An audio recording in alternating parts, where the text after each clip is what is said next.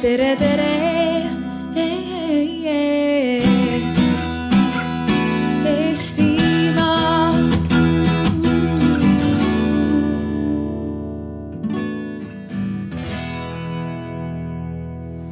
Tere, head sõbrad. päris hirmutav, et teid on nii palju siia tulnud. eelmisel arutelul oli minister kohal ja siis oli umbes kuus korda vähem inimesi. ei tea, mis see nüüd siis tähendab. Head sõbrad, me hakkame arutlema nüüd järgneva pooleteist tunni jooksul eh, päris tõsisel teemal. Te kuulete kahte väga karmi ja tõsist lugu kahelt meie eh, siin siis arutelul osale, osaleja suust. Nad on üle elanud elus päris palju. aga me räägime see, selle vestluse arendame niimoodi välja, et me ei lähe siin väga tõsiseks. Me selles mõttes, et need inimesed, kes siin on, räägivad ausalt kõik oma loo ära.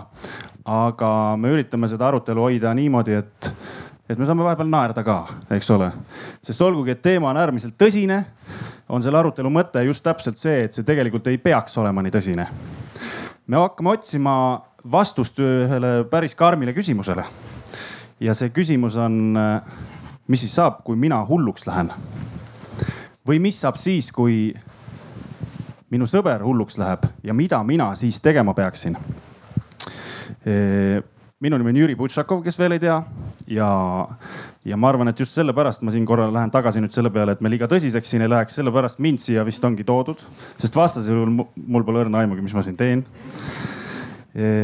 ja, ja kui kellelgi on nagu ikka siin Arvamusfestivali osalejatel küsimusi, tere. Vana kursaaed on ka tulnud kui kellelgi on küsimusi, siis andke märku. siin nurgas on mikrofon ja, ja see mikrofon tuuakse teie juurde ja te saate arutleda kaasa ja küsida ja tehke seda julgelt.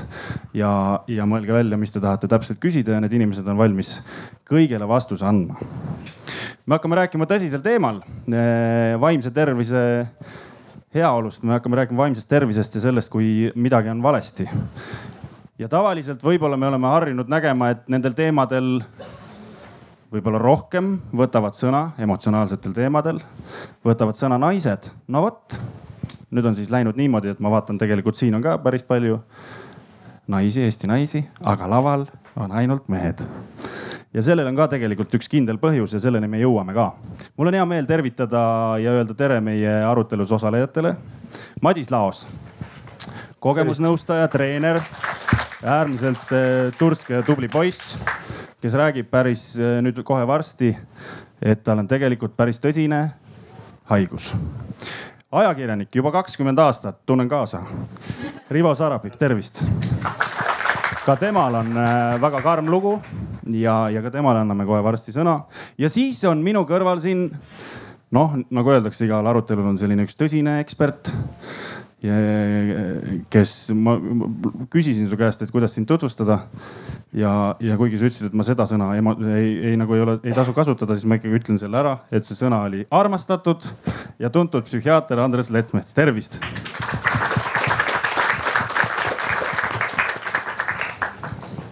ja enda rollist ka veel natukene kiirelt, et, et ma olen siin ajakirjanikuna, võib-olla nagu saatejuhina ma segan vahele, küsin kohatuid küsimusi ja üritan ennast panna võib-olla sellisesse rolli, nagu me arvame, et Eestis väga paljud inimesed on. ehk siis inimene, kes tegelikult asjast väga palju ei tea. sellepärast, et me hakkame rääkima depressioonist, me hakkame rääkima ärevushäirest, me hakkame rääkima bipolaarsest häirest, me hakkame rääkima skisofreeniast. Ja ma ütlen ausalt, mul on selline tunne, et Eestis on veel väga palju inimesi, kes arvavad, et need on nii karmid haigused, et inimesed, kes neid põevad, tuleb saarele saata või ringiga neist mööda minna. ja isegi kui ma ütlen teile praegu, et meid on siin umbes, ma ei kujuta ette, kuuskümmend, seitsekümmend inimest, siis me võime neljaks lugeda.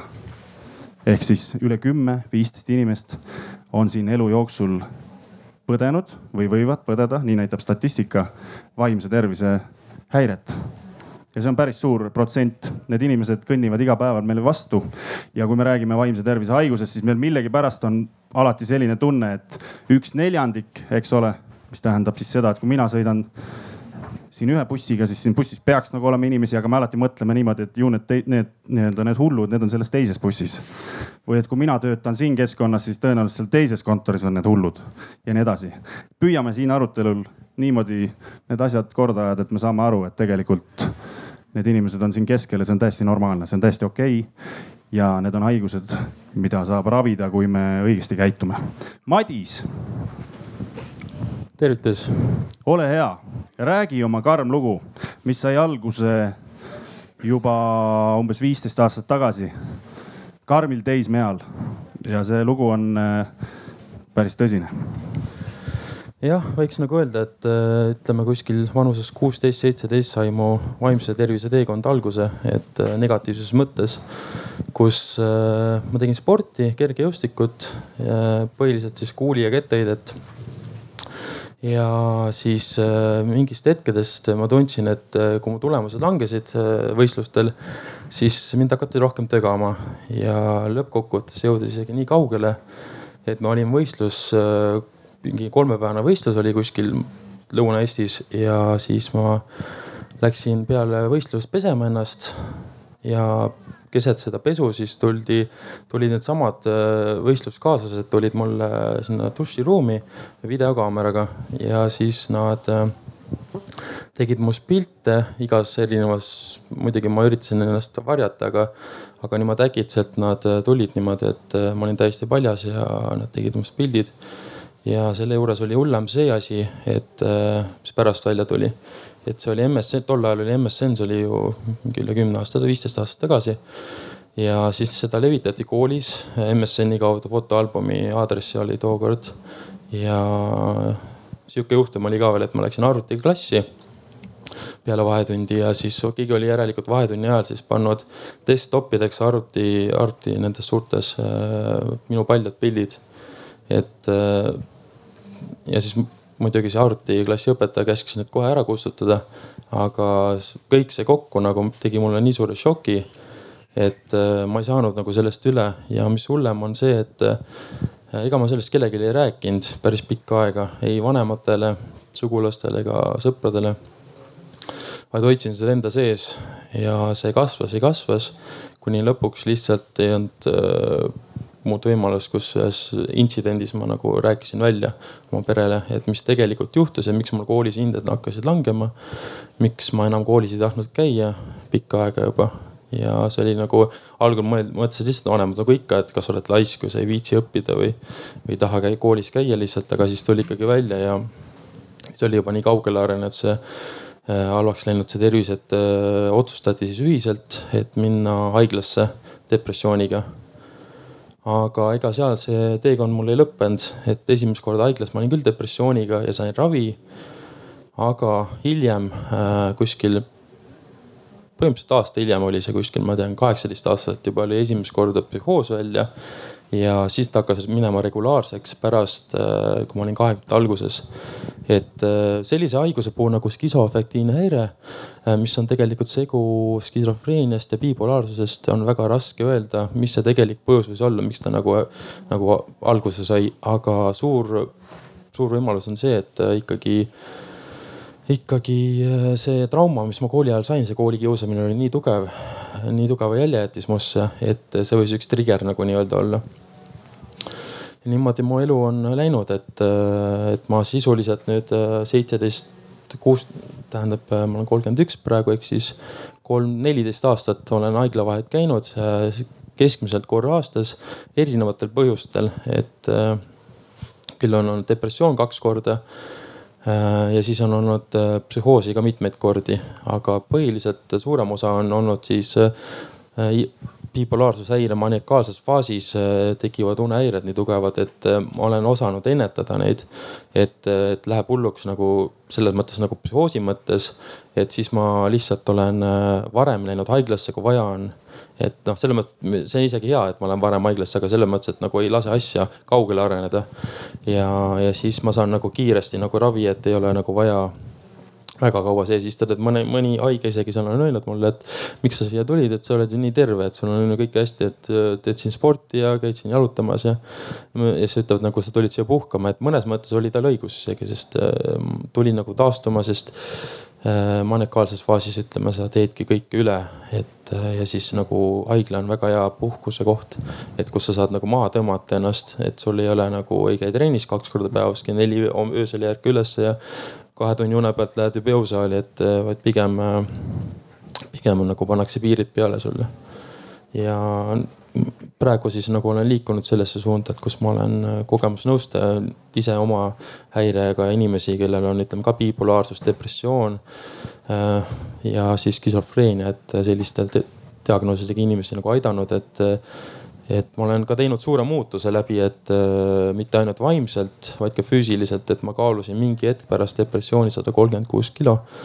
ja olin nagu väga suures ülekaalus ja ka siis mingi hetk ma sain isegi nii korda enda füüsiliselt, ma läksin isegi võistlustesse, äh, fitnessi võistlustesse, et äh, tegelikult äh, ma süstingi nagu oma klientidele nii inspiratsiooni, kui annan häid nõuandeid, mida teha, kui nendel on ka sama probleem. et kuidas, kui tähtis on ravimid võtta, kui tähtis on spetsialisti juures käia. ja ka kogemusnõustaja on tegelikult hea abikäsi, kus inimene räägib oma kogemusest väga hea, aitäh sulle selle loo eest. me, sa siin juba kõlasid erinevad sellised mõisted nagu psühhoos ja, ja maniakaalne käitumine. me peatume nendel kohe varsti jälle. ma arvan, et Rivo, sa võiksid rääkida ka, milline on eh, sinu kogemus ehm, siis eh, tervisehäirega? tere kõigile, mõnes mõttes sümboolne olla Paides Arvamusfestivalil, sest ma olen Paidest pärit. et päris paljud need lood, mis mu elu on kujundanud, on sündinud siin äh, linnas. ja täna võib-olla oli esimest korda üle pika aja, kui ma tulin siia linna sisse sõites äh, ei käinud seest nagu mingi jõnks läbi. et ähm, need on äh, mõnes mõttes nagu jätnud jälje. aga enne kui ma neid asju räägin, siis ma võib-olla ei tunne kõige mugavamalt ennast hetkel neid, neist rääkides, kuigi ma olen seda aastate jooksul teinud, et siis ikkagi mingid asjad, mis kerkivad esile, et siis ma tunnen kehalisi astinguid ja on, on kerge ärevus. aga mis ma püüan öelda, on see, et, et see, et ma neid lugusid räägin, et ähm, võiks tekkida nagu see mõte, et, et vaene tema või vaene kannataja, et, et palun ärge vaadake seda niimoodi, et vastupidi. ma olen oma elus sellises kohas, kus iga päev läheb elu järjest paremaks, et mul on õnnelik kaaslane, õnnelik suhe Äh, ma teen ultrasporti, ma töötan, suudan panustada, mul on ideid, tööväliseid, äh, et kõik on nagu super tegelikult. et lihtsalt see, mm, võib-olla need asjad, millest ma räägin, äh, on olnud vajalikud, et ma jõuaksin sinna, kuhu ma jõuaksin ja väga suur osa sellest on tegelikult töö iseendaga. ehk et ähm, mul ei ole sellist ühte nagu episoodi nagu, nagu Madisel, et see elu on nagu erinevaid asju mulle ette pakkunud ja ma olen äh, nendele reageerides siis äh, teinud ennast katki. ja katki olen sellepärast teinud ennast, et äh, ma ei ole õppinud ennast tundma, et see on midagi, mida meile koolis ei õpetata. väärtustatakse väga palju faktiteadmisi, aga kes ma olen ja kuidas ma toimin, et see on midagi, mida ma tegelikult ei saanud koolist kaasa. ja, ja sellel lainel ma siis elasin võib-olla kümmekond aastat, kuni lõpuks ma enam ei saanud, sest olemine läks lihtsalt nii harvaks, et ärevus ja paanika lihtsalt minu argielust enam ei lahkunudki, et, et kui sul on, kui sa kujutad ennast ette, et sa peaksid minema nagu inimeste ette lavale esinema, et mis tunne see on, et siis äh, rinnus peksleb ja käed on higised ja võib-olla see eelnev, eelneval ööl ei ole maganud, et siis mul oli kuude kaupa oli niimoodi. et, äh, et siis ma ei saanud enam, lihtsalt see hakkas segama minu elu, et äh, ka minu tööd ja, ja ma ei maganud ja, ja sa lihtsalt hakkad lagunema selle peale. aga aga miks Paide on siis tähtis koht, on see, et ma, ma sündisin ja kasvasin siin, käisin siin koolis ja see kakskümmend aastat, mis ma siin elasin, see kui ma selle sees olin, see ei tundnud üldse nagu vale või, või midagi nagu keerulist, et ma sain sellest aru alles tegelikult kümme aastat pärast siit ära kolimist. et mind kiusati koolis füüsiliselt, vaimselt, ka õpetajad, õpilased samamoodi, siis kodus oli vägivaldne elu, meil oli tüüpiline katkine perekond kus äh, vanemad tülitsesid ja üks vanem äh, läks, läks ka ära lõpuks. ja mm, äh, füüsiline vägivald ja, ja vaimne terror oli sihuke igapäevane osa elust, et, et ka oli perioode, kus ma mäletan, et meil ei olnud ka süüa näiteks, et võib-olla sõime leiba ainult näiteks paar kuud. aga, aga noh, selline see olukord oli ja kui ma seal selles olukorras sees olin oma õe ja vennaga, siis see tundus nagu täitsa noh, et noh võib-olla see on, ongi okei okay.. et sa normaliseerid seda keskkonda, kus sa parasjagu oled ja see tundub nagu, nagu mõistetav. Ja ma täna tegelikult ei heida ette üldse nendele inimestele mitte midagi, kes mulle neid elamusi pakkusid toona, ei, ei enda kiusajatele ega enda vanematele, et, et ma saan aru, et see oli nende viis tulla toime nende emotsioonidega et nad ei osanud teistmoodi lihtsalt ja ma sattusin olema seal olukorras lihtsalt. et, et nii see läks ja ma kolisin ära Tallinnasse äh, Paidest. Äh, töötasin ajakirjanduses, olen töötanud seal pikka aega, kuigi Jüri ütles, et kaastunned, siis ma arvan, et ei ole üldse põhjust kaasa tunda. et äh, ajakirjandus on väga tore töö, kus töötada ja, ja see on üks amet, kus käib kaasas selline levinud arvamus, et see on väga stressirohke töö, kus inimesed põlevad läbi. et ma ei saa sellega nõus olla, et ma arvan, et asi ei ole kunagi töös, et pigem on küsimus inimeste oskustes. et kas nad suudavad tulla toime sellega, mida see töö neilt nõuab. ja mõnikord see võib alata sellest, et nad ei peakski seda tööd tegelikult tegema, sest see Äh, töö valimise motiiv ei ole olnud tegelikult siiras, ehk et see ei ole tulnud nende südamest näiteks. et see ei ole nende kutsumus, mida nad tegelikult peaksid tegema, vaid äh, seda on valitud vanemate survel, kooli survel, ähm, võib-olla ka raha pärast. ma ei ütle, et need, äh, need põhjused valimiseks on valed, aga kindlasti kindlasti on parem teha seda, mida sa tunned oma südames, isegi kui mitte keegi seda heaks ei kiida, see ei oma mingit tähtsust, mida teised arvavad. ja. sina ise, sina valisid ise endale ajakirjanduse ja, ja ma tegelikult eelmise aasta astusin sealt ka välja, kolisin Eestist ära, tegin vabatahtlikku tööd ja astusin nüüd äh, selle aasta alguses tagasi sellesse. sa astusid ikkagi välja sellepärast, et sa tundsid, et sa töötasid üle? ei äh,, mitte seda ähm,. ma läksin tegema vabatahtlikku tööd ehk ma läksin teisel põhjusel äh,, aga ma olen ka üle töötanud, olen läbi põletanud ennast äh,. depressioon on osa olnud minu elust äh,. ma ei ole jõudnud ravimiteni ja, ja haiglani, sest ma olen ise saanud endaga hakkama ärevus on noh, siiamaani tegelikult, et äh, ka teie ees siin olemine, et kuigi ma igapäevaselt töötan raadios ja inimeste intervjueerimine ja teistes esinemine on minu jaoks tegelikult suhteliselt tavaline, aga tegelikult nendel teemadel rääkimine on minu jaoks noh, normaalne, sest äh, ma olen seda teinud äh, ka teles, aga siiski. et see näitab, et ärevus on osa inimeseks olemisest ja, ja, ja sellega saab ka nagu hakkama saada, et, et jah, ma püüan seda lugu siis kokku võtta, et ähm, et kui, kui ma lugesin selle diskussiooni nagu pealkirja, et ja mõtlesin selle sõna peale hull, et siis mõtlesin, et ma tõesti olen hull. aga ma arvan, et tegelikult kõik inimesed on mõnes mõttes hullud, et väga paljud inimesed käivad meie seast ringi ja nad ei tunnista endale tegelikult neid asju, mis neile haiget teevad, kui palju nad tegelikult piinlevad. et äh, mina olen olnud funktsionaalne noh, depressioonik selles mõttes, et ma olen suutnud funktsioneerida ja välja paistab, et kõik on okei okay teen oma töö ära ja suudame inimestega ka suhelda, aga tegelikult sees on ikkagi selline nagu noh, must auk ja, ja mitu korda läbipõlemist sinna otsa, et siis äh, see kõik nagu võimendab ainult seda. ja siis äh, mul vend otsustas, et ta ei soovi enam elada kümme aastat tagasi ja ta lõpetas oma elu. ja see on sündmus, mis vallandas tegelikult väga palju muutusi minu elus. sest äh, selle traumaga mina ei tegelenud kui see juhtus kevadel, et siis pool aastat ma lihtsalt uputasin ennast töösse, see on hästi levinud viis inimestel põgenemiseks kõige eest, sest töö fetišeerimine on auasi, et kui me alkoholi või muid sõltuvusi vaatame nagu võib-olla veidi viltuse pilguga või, või ei kiida neid heaks, et siis see, kes on hommikust õhtuni kõige kauem tööl, et see on nagu hästi tubli, et see, me tegelikult ei tea, mis seal, mis seal taga on.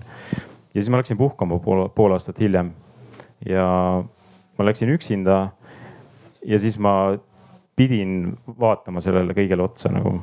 ja kuna ma võtsin iseennast sinna puhkusele kaasa, kõik see, mis oli protsessimata, et siis pärast seda ma sain tegelikult aru, et ma olen ennast jälle ära lõhkumas. ja ma pean tegelema nende asjadega. ja jah, ja see on juhtinud mind selleni, et äh, ma ei tea, kas see on juhus või mingid asjad satuvad inimese ellu, kui ta on valmis nendeks, et äh, ma olen jõudnud äh, meditatsioonini äh, see on mind väga palju aidanud. Äh, ma teen sporti, see aitab mind samamoodi, et see, ma ei aja taga tulemust, vaid seda, et ma saan teha midagi oma kehaga ja see tohutult tugev kontakt iseendaga füüsilisel tasandil on midagi, mis on palju väärtuslikum kui see aeg, mis mul kulub, ma ei tea, maratoni läbimiseks, et need distantsid, mis ma läbin, on, on pikad, võivad olla tuhandeid kilomeetreid jalgrattal või ultrajooksud, kõik, mis on pikem kui maraton et äh, ma kooli ajal vihkasin jooksmist, praegu ma nagu täiesti noh, see on teraapia nagu täielik. et jah, et see selline lugu siis, et, äh, et ma ütlen, et see on äh, kui ma tahaks seda kokku võtta, et mis selle loo nagu mõte on, et siis ma tahaks öelda, et see on nagu lootus, et äh, et äh, me teeme läbi või kogeme elus igasuguseid asju, mingisuguseid asju me sildistame, et need on head või halvad. aga tegelikult, kui me vaatame hiljem tagasi nendele nii-öelda halvadele asjadele, et siis nad on suunanud meid millegi suunas, mida meil on olnud tegelikult väga vaja õppida või on äh, suunanud meid millegi poole, mille poole me ei oleks äh, varem võib-olla läinud. et see, et mina siin teie ees täna sellest räägin, ma arvan, et kui ma mõtlen oma venna peale, siis tema oli minust palju avatum ja tundus, et ka palju nagu muretum inimene, kes sai kergemini asjadest üle. aga see, et ta selle teo tegi, et ta ei soovinud enam elada, see tuli kõigile šokina, mis näitab seda, et äh, väliselt on justkui kõik korras, aga tegelikult inimene kannatab ja kuna meie elus ei olnud lapsepõlvest saadik väga palju inimesi, keda usaldada, sest võib-olla paar sõpra oli tõesti, keda me saime nagu päriselt usaldada, siis äh, suhete loomine, usalduse, usalduslike suhete loomine on midagi, mis temal jäi ilmselt tegemata, sest keegi ei teadnud. ja, ja ta otsustas, et, et aitab. jah, ja, jah, ma ei oska praegu midagi lisada. ega praegu ei peagi, kõik on kõik on väga hästi ja, ja sa tegid väga põhjaliku äh, nii-öelda tagasivaate oma ellu äh,. Andres, me rääkisime kohe siin arutelu alguses sellest, et äh, tegelikult umbes iga neljas inimene äh, kogeb elu jooksul suure tõenäosusega kergemat või raskemat sorti vaimse tervise häiret noh, see tähendab seda, et kui nii-öelda üks neljandik Eesti rahvast on vaimse tervise häirega, siis noh, sa hommikust õhtuni teed ainult tööd ja midagi muud elus teha ei saa, sest sul peaks olema need järjekorrad nii pikad. mis sa arvad, kui paljud inimesed nendest siis ühest neljandikust meie, meie ühiskonnast sinu ukse taha tee leiavad üldse? sest ma arvan, et see tegelikult on see number, kes sinu juurde jõuab, on kordades väiksem jah, et see üks neljandik on hästi tagasihoidlikult võetud, et see on üks, üks vana uuring, mida pidevalt korratakse. et äh, kusagil kahekümne viie, kahekümne kuue protsendi ulatuses võiks olla ühe aasta vältel inimestel kogu elanikkonnale Euroopas näiteks psüühikahäired, et see uuem uuring, mis tuli kaks tuhat üksteist, ütleb, et see number on kusagil kolmkümmend kaheksa protsenti. et ükskõik, mis numbreid me siin välja pakume, et ta tegelikult ei ütle väga palju midagi. et, et psüühikahäired on üks väga selline lai mõiste, mille alla käib tohutult palju erinevaid asju sinna alla käivad äh, episoodilised unehäired, mida me kõik enamasti kogeme paaril korral elus, sinna alla võivad käia väga keerulised haigusseisundid, mis vajavad vahetevahel haiglaravi, sinna alla võib käia vaimne alaareng või noh, käibki ja, ja väga palju ka vanema seas äh, paratamatult tekkivaid äh, seisundeid, mida tuleb järjest rohkem, sest inimkond vananeb et, et selles mõttes see ei ole väga palju, see number ei ütle tegelikult midagi. võib-olla olulisem number on küll selline, mis kipub sinna veerandi poole minema, et arvatakse, et üks üldisest haiguskoormusest, ütleme psüühikahäired annavad umbes veerandi elik et kui me nagu paneks kokku kõike seda, palju inimesed kaotavad oma töötunde, on äh, jätavad maha oma töö, eks ole, kannatavad oma inimsuhetes, siis selle nagu selline haiguskoormuse nagu näitaja võiks olla kuskil veerand kogu inimkonnast ja see on hästi nagu alarmeeriv, sest tegelikult see on tohutult palju, see on tegelikult kõige suurem haiguste grupp. sinna alla lähevad nüüd ka natukene need muud neuroloogilised haigused nagu epilepsia ja, ja võib-olla siuksed ajutraumad ja sellised asjad. ja veel üks aspekt, lähemale, okei okay vabandan, ei olnud kuulda vist, et eh, veel üks aspekt on see, et, et eh, paratamatult eh, inimesi, kes satub tegelikkuses ravile, ehk siis kõigile meeldib jubedalt rääkida sellest, et kes on saanud diagnoosi. et noh, ma tavaliselt räägin sellest, kui küsitakse, et sest päris rasked psüühikahäired, mille alla lähevad psühhoosid bipolaarne häire, skisofreenia, nendest eh, umbes kolmandik ei jõua kunagi elus diagnoosini, see on sihukene päris sihukene nagu usaldusväärne ametlik statistika. ja ütleme sihukestest ärevatest eh, depressiivsetest haigetest üle poolte ja sõltuvushäiretest, kes pakub tegelikult jõuab diagnoosini umbes kakskümmend protsenti või alla selle, nii et noh, enamus inimesi tegelikult ei pöördu, ei julge pöörduda, ei taha pöörduda. et, et selles mõttes kunagi need, need siuksed numbrid, mida pakutakse välja, et kui palju tegelikult võiks ühiskonnas olla inimesi, kellel on psüühikaga probleeme, need ei ole väga tõsiseltvõetavad, sest tegelikult neid on, inimesi on märgatavalt rohkem see, kui palju tuleb inimesi arsti juurde, sõltub kõigepealt teadlikkusest, sõltub sellest, kuidas ühiskond suhtub seda tüüpi häiretesse, kas ta püüab nendele inimestele panna rohkem piiranguid peale. see on selge, et selline märgistatus kindlasti ei soodusta eriti oma probleemidest rääkimist, abi otsimist. ja noh, nii ta on, kokkuvõttes sõltub ka abivõimalustest, et ma olen rääkinud mõne oma Aafrika kolleegiga, kes ütleb, et neil on näiteks ütleme sellises suures riigis nagu Etioopia, kus mälu järgi võiks olla kuskil üle kaheksakümne miljoni elaniku, on kuus psühhiaatrit. Noh, on arusaadav, et seal on väga keeruline jõuda nagu arsti juurde, isegi kui väga suur tahtmine on arsti juurde lõpuks äh, saab jõuda siis, kui need arstid on olemas, aga arstid saavad olemas olla siis, kui on ühiskond endale või keskkond endale selgeks teinud, et neid on vaja, eks ole. mis sa arvad, kui sa vaatad, no räägime siis meediapildist näiteks. Äh, need lood, mis jõuavad meediasse tegelikult inimestest, kes äh, on ilmselgelt mingi vaimse häirega, on päris mustad ja karmid. Me räägime siin Vabaduse väljakul noaga jooksvast mehest ja ja ei tea millest veel, et, et kuidas sina ise tunned, milline see meediapilt on ja kas ja kuidas see soodustab seda, et, et me saaksime aru, et tegelikult noh, need, need näited ei ole kõik nii karmid? no paratamatult tänapäevane meedia on rohkem selline ikkagi meelelahutustööstuse stiilis ja ta, eks ta ikka otsib seda, mis on sensatsiooniline ja mis tõmbab tähelepanu, mis tõmbab huvi ja paratamatult kõik selline äh, käsitlus tõmbab ju rohkem huvi kui, kui see, kui rääkida näiteks edulugusid, nagu oli Madise lugu näiteks, ütleme, mis on ju tegelikult suurepärane näide selle kohta, kuidas eh, ka väga keerulistest asjadest on võimalik välja tulla.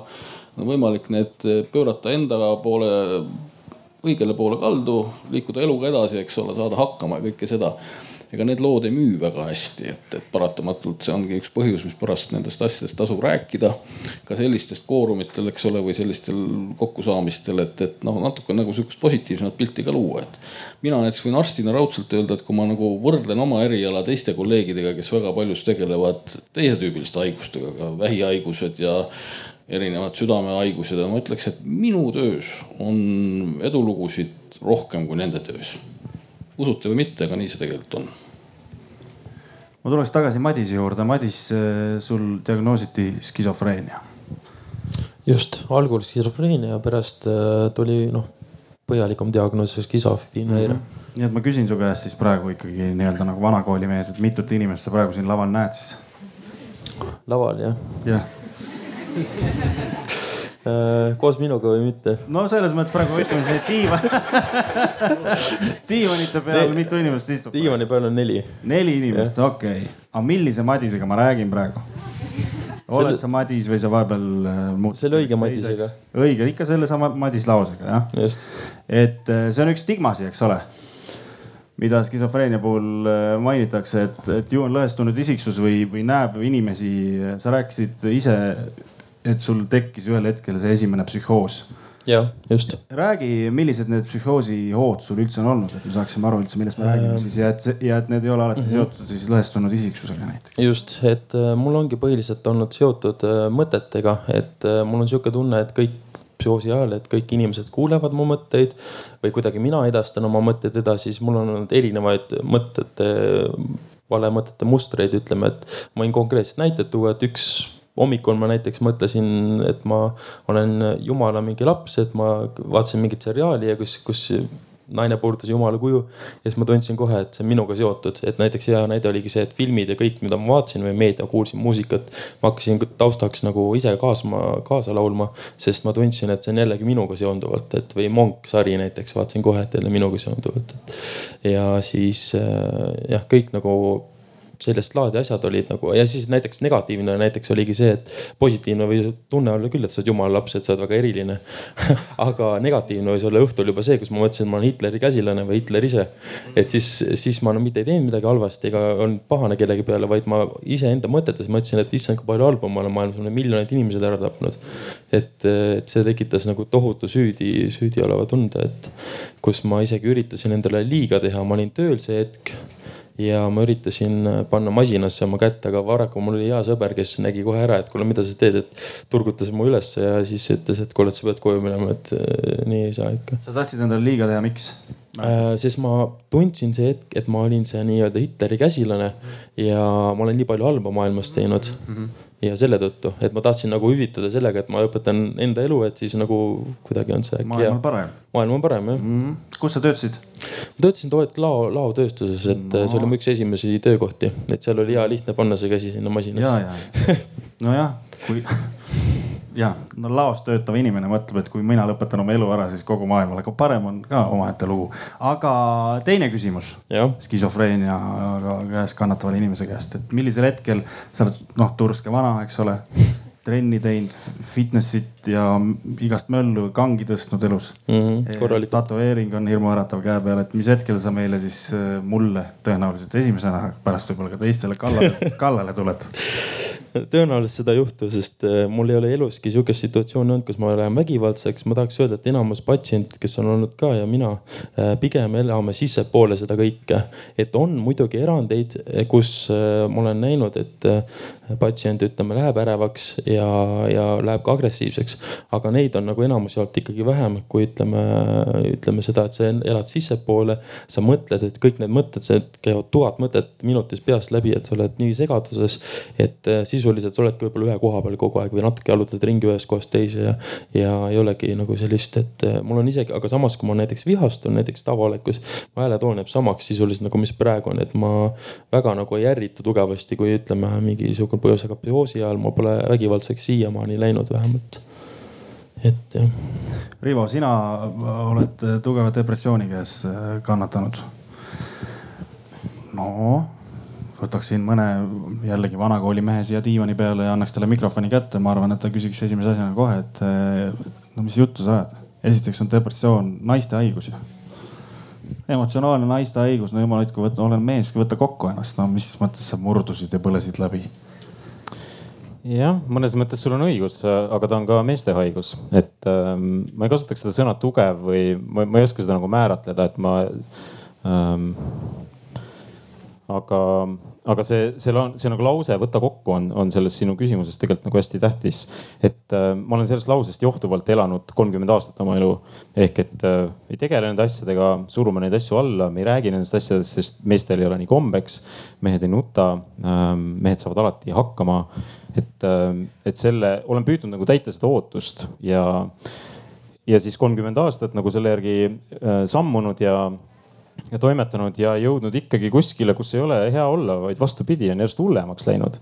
et äh, kui ma ei saa ikkagi magada ja, ja rinnus kogu aeg pitsitab, ma ei saa teha sporti, ma ei suuda keskenduda. ma olen väga vastik kaaslane, sest mu süütenöör noh, põhimõtteliselt ei olegi seda, eks ju. et äh, kui ma töö peale mõtlen, et siis iga asi vihastab või ajab närvi juba, juba see mõte, et ma pean minema sinna, hakkama tegelema mingite inimestega, kes. ja mõnikord keegi tuleb veel minu käest küsima midagi, siis on nagu eriti ta segab ka veel mind ja. et siuksed nagu ajad, et et jah, ma olen võtnud kokku, aga see nagu ei ole viinud sinna, kuhu ta peaks viima nagu ja, ja see on tegelikult nagu pannud mõtlema ka, et äh, nende nõuannete peale, mida meile inimesed tihti nagu jaga, jagama kipuvad, et mis pinna pealt see nõuanne tuleb. et äh, kas tal on näiteks kogemus sellest või ta lihtsalt äh, jagab edasi mingisugust klišeed, millest tal tegelikult ei ole mingisugust isiklikku, ütleme nahka mängus, et ta ei ole tegelikult, ta ei tea, millest ta räägib. et, et kui on inimesel jalaluu katki, siis me ei ütle talle ju, et äh, kaks päeva hiljem, et kuule, mida sa lonkad, et hakka nüüd normaalselt käima, et äh, saa üle, eks ju. et äh, ka vaimse tervise puhul on, kuna see on nagu nähtamatu, ta on hoomamatu, et siis seetõttu sellised nagu hoiakud on üpriski tegelikult levinud, et, et kuule, eelmine nädal sa alles rääkisid mulle seda asja, et kaua sa nüüd selle juures ketrad. Tegelikult see Äh, venna leina järgne aeg, ma arvan, see kestis mul paar aastat ja selle aja jooksul ma tegelikult äh, suur hulk inimesi minu ümbert kaduski ära, sellepärast et ma ketrasin seda nagu teemat mingite nurkade alt ikkagi ja ma saan aru, et see muutub mingil hetkel ebamugavaks ja, ja ma ei heida jällegi neile seda ette, et ma saan aru, et nad peavad ennast hoidma, et kui sa ei tule toime sellega, siis mõistagi astu nagu eemale. et sa ei pea sellega tegelema, sest see on minu asi tegelikult. et, äh, jah, võib võtta kokku küll ennast. Aga kui sa mõtled kokkuvõtmise all seda, et ma seda, sellega ei tegele, siis see ei, ei vii kuskile, et see on nagu hea võrdlus, võib-olla on vahuveini pudel, mida sa korra raputad ja raputad jälle. Ja sa võid seda nagu mõned korrad raputada, siis mingil hetkel see pudel läheb katki. et ma arvan, et inimene on suhteliselt sarnane nagu võrdlus, et kui me ei tegele nende asjadega, mis meid mõjutavad ja traumeerivad sügavalt ja kui me ei oska iseendaga nagu kontaktis olla ja me ei tunne iseennast, siis äh, need asjad varem või hiljem tahavad oma tähelepanu tahame või mitte. ja, ja meie elu kindlasti muutub sellest äh, paremaks, kui me oskame, õpime ennast tundma ja õpime nende asjadega toime tulema. Andres, kui inimesed sinu juurde jõuavad ja sa neile diagnoosi välja ütled, siis äh, millised näod vastu vaatavad, kas on kohe selline tunne, et ongi kõik, elu on läbi, mul on skisofreenia ja, ja tempel otsa ees ja, ja ma pean minema kolima kuskile metsa peitu? no ma arvan, et, et äh, ega arstitöös seda, et sa ka nüüd kohe hakkad algusest peale kohe diagnoosist rääkima, see ei ole võib-olla kõige targem viis üldse asjadega tegeleda, et ähm, me peame nagu seda jällegi noh võin teile ausalt ära rääkida, et, et tegelikult kogu see diagnoosisüsteem on üks selline kokkuleppeline värk, mida, millega maailmas tegeleb suur hulk inimesi.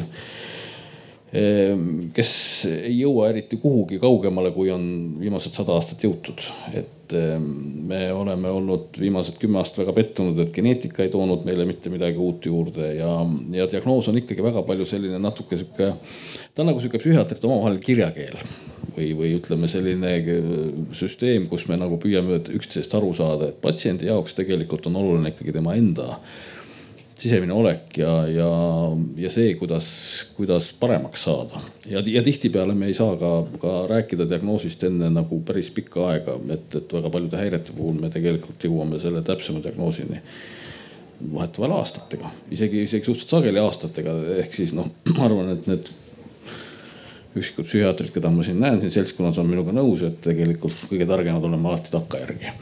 aga no see selleks, et, et ma tahan selle uduse jutuga jõuda sinnani, et ma arvan, et diagnoosikeskne lähenemine ei ole põhiline asi, millega nagu haiguste ravis nagu tegeleda, et, et pigem me püüaks ikkagi vaadata selle peale, mis konkreetsel inimesel on nagu oluline või kuidas teda nagu, nagu edasi aidata. kas sa tunned oma töös, et sinu juurde jõuavad äh, rohkem naised kui mehed? Jõuavad rohkem naised kui mehed. esiteks naised on üldiselt nagu empaatilisemad, nad saavad paremini aru oma ka sisemistest probleemidest, meestel tõenäoliselt on natuke rohkem sellist valehäbi ka, aga, aga see on läinud aastatega, ta on muutunud väga palju. Ja, ja, ja ma usun, et ta on muutunud ka selle tõttu, et ühiskond on nagu hakanud aktsepteerima rohkem seda, et nagu noh, arsti juurde minek ei ole nii häbiväärne. Ja, ja ta ei ole võib-olla, võib-olla ma endiselt olen veendunud, et väga paljud inimesed arvavad seda, et niipea kui ma psühhiaatri uksest sisse astun, et siis mul on mingi märk küljes, et noh, et siis kindlasti korralikku töökohta vähemasti välisministeeriumisse ei saa, eks ole, ja, ja relvaloale võib äh, hüvasti jätta ja varsti võetakse autojuhiluba ära ja, ja, ja nii edasi ja on nii, see, see arvamus on väga visa nagu taanduma selles mõttes ja see hoiab tegelikult väga paljusid inimesi tagasi.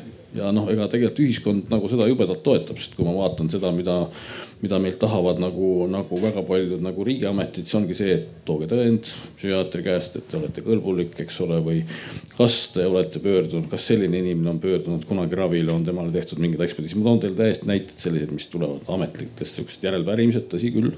tänapäeval inimesega kooskõlastatult, tema nõusolekul aga noh, ega see inimene teab väga hästi, et kui ta seda paberit ei too, siis, siis teatud asjad jäävad olemata. nii et noh, see on üks pool, mis on, mis on tegelikult kehvasti, ma arvan, meil endiselt ehm,. ma tulen tagasi jälle sinna vanakooli mehe juurde. sest eh, depressioon eh, on ju jällegi noh, nagu ma ütlesin, esiteks ta on naiste haigus, teiseks on ju väga lihtne võimalus, kuidas depressioonist üle saada. Rivo kuule, sul on olnud pikka aega raske ja halb ja, ja tööl on raske ja sa ei tunne ennast hästi. ma tulen, võtan sõbrad kaasa. võtan, äh, ma ei tea, mida sa jood. viina, viskit, mida iganes sa soovid. paneme ühe korraliku käraka. paneme laua tööklubisse kinni ja tantsime hommikuni või räägime juttu või mis iganes, aga noh, paneme ikka korraliku paugu, nii et paar päeva läheb taastumiseks. et äh, sa saad ka kohe rääkida, kuidas ja kas see üldse aitab, aga, aga ma eeldan, et endiselt on väga palju inimesi, kes ikkagi sellesama suure stressi esialgu pärast depressiooni ja muude haiguste eest põgenebki sellega, et kas nädalavahetusel üks korralik kärakas või, või igapäevaselt paar pitsi ja kolm pitsi. Et see ju aitab, see ju rahustab ja, ja see teeb mu korda lõpuks. Ja see aitab seda edasi lükata, seda probleemi, et äh, nagu ma enne ütlesin, et töö on ka üks levinud tegelikult viis, millesse uputatakse või, või mingisugused hobid, mis justkui paistavad välja, et on äh, noh, kiiduväärt, aga tegelikult, mis see motivatsioon seal taga on, et peaks seda tegelikult vaatama või ostlemine või netisõltuvus või noh, porno või no mida iganes, neid näitajaid on tegelikult tohutult äh, palju. et sa võid küll tulla, aga ma arvan, et see on nagu probleemi nagu edasilükkamine, et see, see ei aita tegelikult.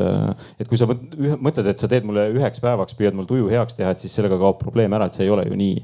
et kui ma enne ütlesin selle nõuannete kuulamise tähtsust, et, et, et kuidas neid kuulata, et kui mulle öeldakse, et, et saa üle, et siis ma mõtlen, mis selle inimese positsioon seda öelda on, et, et võib-olla ta ütleb seda sellepärast, et tal on ebamugav minuga, kui ma olen selline.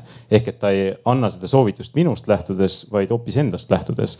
ja, ja see on täitsa okei okay.. et, et sinu see mõte seda pidu teha, tule, on sinu idee või sinu mõte, kuidas võiks selle nagu teemaga hakkama saada see on tore, kui sa tuled seltskonda pakkuda. aga ma arvan, et kui ma nädalavahetuseti käiksin äh, joomas või tarvitaksin äh, muid aineid, siis äh, võimalik, et see asi nagu lihtsalt läheb veel hullemaks, et kindlasti see lükkab edasi. see ei lahenda mitte midagi ära, see lühiajaliselt võib-olla leevendab nagu ka kõik need teised vahendid, nii et, et jah, ma ma, ma, ma ei võtaks sul seda, seltskonna võtan vastu, aga jooma ei hakka. väga tore. Madis, kuidas sinul alkoholiga on? sa said selle tegelikult selle šoki ja see asi, mis sinuga juhtus, oli ju päris varajases nooruses, et oled sa üldse kunagi tarbinud alkoholi? tarbinud alkoholi ja, ja palju tarbinud ja, no, ja kuidas see sulle mõjub? Äh, ma olen noor ka olnud ikkagi ja olen siiamaani, aga ütleme, et alkohol on minu jaoks ikkagi sihuke asi, mida ma üritan võimalikult äh, vältida. Äh, kuigi mul on juhtunud elus, kus ma olen päris paar korda olnud võtnud kas ühe õlu näiteks või kaks õlut või midagi sellist. on ka juhtunud, kus ma olin korra täis. et, et tegelikult. mis siis juhtus? mis siis juhtub, ongi see, et mis ma tundsin enda puhul just oli see, et ta võimendab seda alkoholi mõju, et kui ravimid on peal, siis ütleme, et kergemini ma jään joobesse. teine asi on see, et sõltub, mis mul on, et kui mul on psoosi ajal, ma ei olegi proovinud kunagi, aga, aga kui näiteks depressioonis või ütleme midagi sellist, siis tegelikult ma tunnen, et algul läheb nagu olek nagu paremaks, aga pärast on nagu järgmisel päeval või isegi paari tunni pärast on see olek jälle hullem. et ta kuidagi manipuleerib selle ravimite mõjuga. et kas siis vähendab seda või siis suurendab seda, et minu olen seda nagu märganud.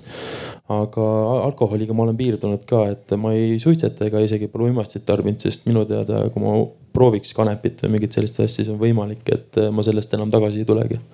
et kui mul juba on olemas see haigus, diagnoos äh, ja siis tarbida kanepit, et äh, see võib juba välja lüüa juba niimoodi, et äh, inimesel, kes ei ole nagu diagnoosi saanud, et kui siis võtta nagu juba häire olemasolul kanepit või mingit uimastit muud, siis ta tõenäoliselt võib sihukesesse situatsiooni sattuda, et ei pruugigi väga lihtsalt enam tagasi normaalseks saadagi, et võibki jääda sinnasamasse olekusse või siis nagu raskemasse konditsiooni, et ei saagi nagu terveks ma lisan ühe asja, et äh, miks alkoholi või üldse meelemürke tihti tarbitakse, on, äh, mille peale võib-olla ei mõelda, on see, et põgeneda ära oma sellest elust, et see tundub nii nagu vastuvõetamatu, et äh, maandan stressi siis läbi selle, et ma uimastan ennast paariks päevaks ära ja siis loodan, et läheb kõik nagu edasi. et see, kõik need sõltuvused on mind pannud mõtlema, et või nende ainete selline tarvitamine ja mitte ainete, vaid ka nende tegevuste, et, et miks ma teen seda, et äh, kuidas on nii, et äh, see, mis, mida ma kogen selles elus, on minu jaoks niivõrd vastuvõetamatu, et ma ei suuda sellega hakkama saada. mis äh, on, need kogemused on osaks inimeseks olemisest, stress, ärevus, kõik need emotsionaalsed läbielamised ja nii edasi, et et, et miks ma ei miks ma ei taha nendega olla, mis minuga juhtub, et see on minu kogemus. miks ma tahan seda eemale suruda, et see on küsimus, milleni, millele ma olen palju mõelnud ja, ja millele on aidanud väga palju vastata tegelikult äh, meditatsioon, lihtsad hingamisharjutused. et ma istun iseendaga ja jälgin, mis minu kehas toimub, et see on täiesti nagu ohoo avastus äh, ma ütlen, kolmekümnendates aastates alles jõudsin selleni, et hakata märkama nagu oma emotsioone ja, ja võib-olla kirjeldada, et ma arvan, et see on midagi, mis äh, paljude elukaaslastele, naissoost elukaaslastele võib tekitada meelehärmi, et kui nad küsivad meeste käest, meeste käest, et mida sa tunned, siis mees ütleb hästi et see on, see on midagi, mida mul elukaaslane on juhtinud sellele tähelepanu, et, et tal on tegelikult sama, tal on sarnased nagu teekonnad olnud äh, ja, ja mõnes mõttes sarnased nagu läbielamised ja, ja, ja see on üks küsimus, mis teda nagu äratas. et miks, et äh, mida sa tunned, et kas ma üldse saan aru, mida ma tunnen, sest ma ei ole kolmkümmend aastat tegelenud sellega või tundnud neid asju. aga ometi nad on osa elust. et miks ma neid siis surun kõrvale ja, ja miks ma ei saa eluga hakkama nii, et ma saaksin äh, võiksin istuda siin laval ja minuga juhtub ükskõik mis ja see on okei. Okay.. et kui ma olen ärev, ma võiksin enne seda ettekannet siin või seda vestlusringi tõmmata omale pitsi rindu ja siis kohe on nagu tuju parem või kanepit, aga mulle samas jälle tundub, et siis ma jällegi põgeneks oma eluks, elust, et see ju tegelikult ei lahenda nagu midagi. Ma läheks ühe sammu tagasi, räägiks sellest äh, sõpradega väljaminekust ühe äh, loo, aga teise kandi pealt, et, et äh, meie põhjanaabrid soomlased, kes on ka suhteliselt kõrgete depressiooni ja, ja enesetapu näitajatega ühiskond. et seal on üks kogukond, kus enesetappu on märgatavalt vähem ja see on nagu keeleliselt ja kultuuriliselt teistsugune, need rannarootslased, kes elavad täiesti oma piirkonnas ja on, seda on uuritud ja on leitud, et see üks, et tõenäoliselt üks põhjus on selles, et seal on väga tugev selline kogukondlik side omavahel inimestel. Elik, et väga palju tehakse koos asju, eks ole, inimesed tunnevad üksteise vastu huvi, see sihuke kogukondlik nagu toetav mudel on, on tugevam, kui on, ütleme mujal Soomes, kus nagu meiegi ollakse väga palju individualistlikud, eks ole, elatakse üksinda, naabritega suheldakse hädavajadusel, eks ole, ja nii edasi. et, et siin tõenäoliselt ikkagi üks nagu selline oluline, oluline moment on sellesama, ütleme ka, ka probleemide ja, ja meeleoluhäirete korral, et et, et see selline tugi, et, et sa tõesti lähed ja küsid, et kuidas sul läheb ja et äkki läheks koos välja või niimoodi, see on igati okei okay.. et kas see nüüd peab lõppema ööklubis, eks ole, alkoholiga, see on nüüd omaette teema, et, et seda ma arvan, et siin pikalt tasu arutada, aga. aga kindlasti see nagu tähelepanu selle, selles osas on hästi oluline. Ja ma lisan siia veel, mis on selle teema laiendus, et on maailmas uuritud regioone, kus inimesed elavad keskmisest märkimisväärselt kauem, neid nimetatakse the blue zones ja neid on Euroopas vist on Sardiinias ähm, ma ei mäleta, neid on viis tuntud piirkonda, üks on neist äh, Okinawa saarel äh, Jaapanis ja seal on väga palju inimesi, kes on üheksakümmend pluss ja väga palju on ka saja-aastaseid inimesi. ja siis on püütud lahti mõtestada, et mis see nende pikaealisuse ja rõõmsa elu saladus on, siis äh, kommuun ehk see ühiskond või kokkuhoidev seltskond on üks olulise nagu komponendina sellest. Neid muutujaid oli veel seal, toit ja liikumine ja kõik see, aga see, et sul on inimesed, kellega rääkida, suhelda, et see on tohutult tähtis. Mhm. meil on üks esimene küsija ka, Jepi, aga üks hetk veel korra, ma vabandan. aga kuidas sa tunned, kas ja kui kaugel me sellest kokkuhoidvast äh, kommuunist siin Eestis oleme? kuidas sa tunned, milline see seis Eestis on? Ma arvan, et sellega on nii ja naa, et see, see sõltub hästi või. ma arvan, et see on juba suur asi, et me saame rääkida nendel teemadel selliselt ja mitte ainult siin Arvamusfestivalil, vaid ka võib-olla teles ja meedias kajastada neid ja, ja kirjutada, et selles mõttes ma arvan, paarikümne aastaga on, on toimunud tohutult suur äh, samm edasi, et, äh, et teadvustamine vist on nagu toimumas. ja, ja see ei pruugi ju kohe katta tervet riiki, aga mulle tundub, et kui mingi hulk inimesi märkab seda ja hakkavad seda nagu levitama ja, ja kasvõi juhtima sellele tähelepanu, et siis see võiks levida. kindlasti paranemas, ma arvan jah. et äh, eestlased on tegelikult ju väga kokkuhoidlikud inimesed ja väga südamlikud ja soojad inimesed, kuigi esmakordsel kohtumisel võib-olla nendega, nendest raske aru saada. aga see ongi, et kas kui, kui nad lasevad sind ennast ligi või kui nad lubavad mind endale ligi ja vastupidi, et siis see suhe on tegelikult hästi nagu tugev. nii, palun. tere, mina olen Mats. Äh, ma tahtsin Rivo su käest küsida, et sa korduvalt oled kasutanud siukseid fraase nagu, et ma pidin sellega tegelema või ma õppisin tundma või ma vaatasin selle asjale otsa ja, ja see on sedalaadi, ütleme kõnepruuk, mida ma olen äh, kohanud mitmest, mitmest nii, nii, nii arstidelt kui ka ütleme internetiartiklitest, millele nagu viidatakse. kui, kui on nagu küsimus selles, et noh, et, et saa kuidagi selle, kuidas selle depressiooniga nagu tegeleda, on ju, et mis on nii-öelda selle, selle, jõuda selle põhjuseni on ju. ja, ja ma pean ütlema, et ma ei, ma ei saa aru, mida see tähendab.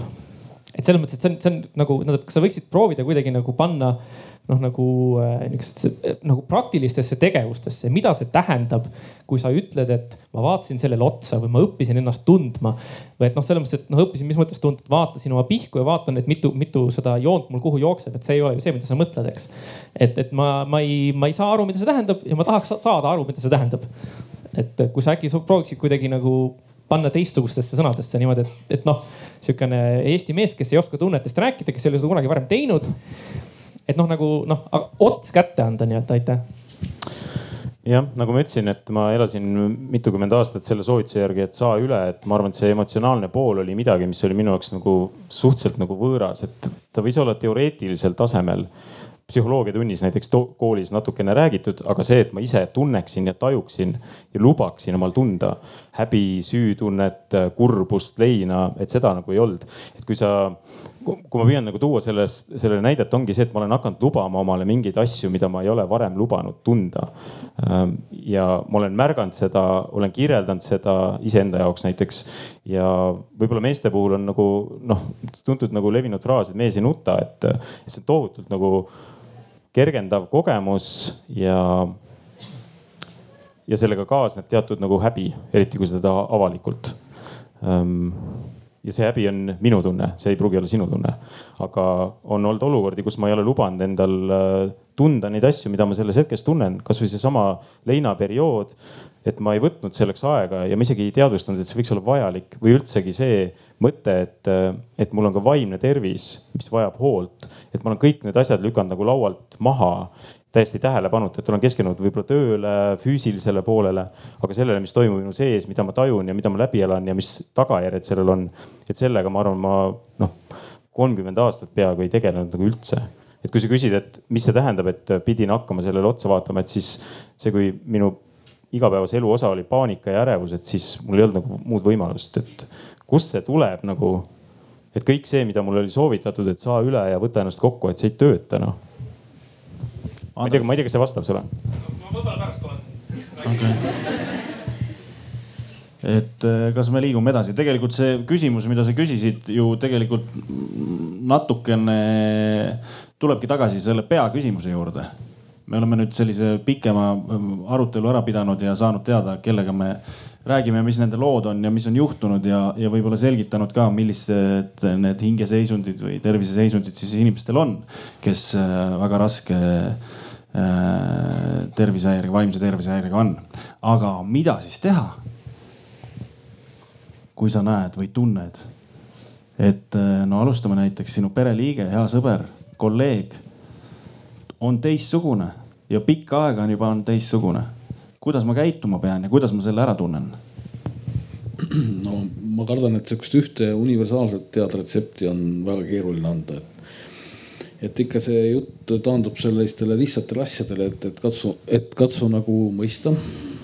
katsu äh, inimesega suhelda teemal, et noh, et äkki ma saan kuidagi aidata või kuidagi abiks olla või, või need, need olukorrad võivad olla ääretult erinevad, et pereliikme puhul on see kindlasti natukene ühtepidi keerulisem, teistpidi lihtsam, et, et noh, te ju nagu elate koos ja jagate ühte elu, eks ole, et selles mõttes on sul ikkagi nagu väga selge nagu õigus ja ka kohustus natukene sekkuda, kui sa näed, et inimene väga selgelt kannatab või ei saa, ei saa hakkama ja, ja vajab abi.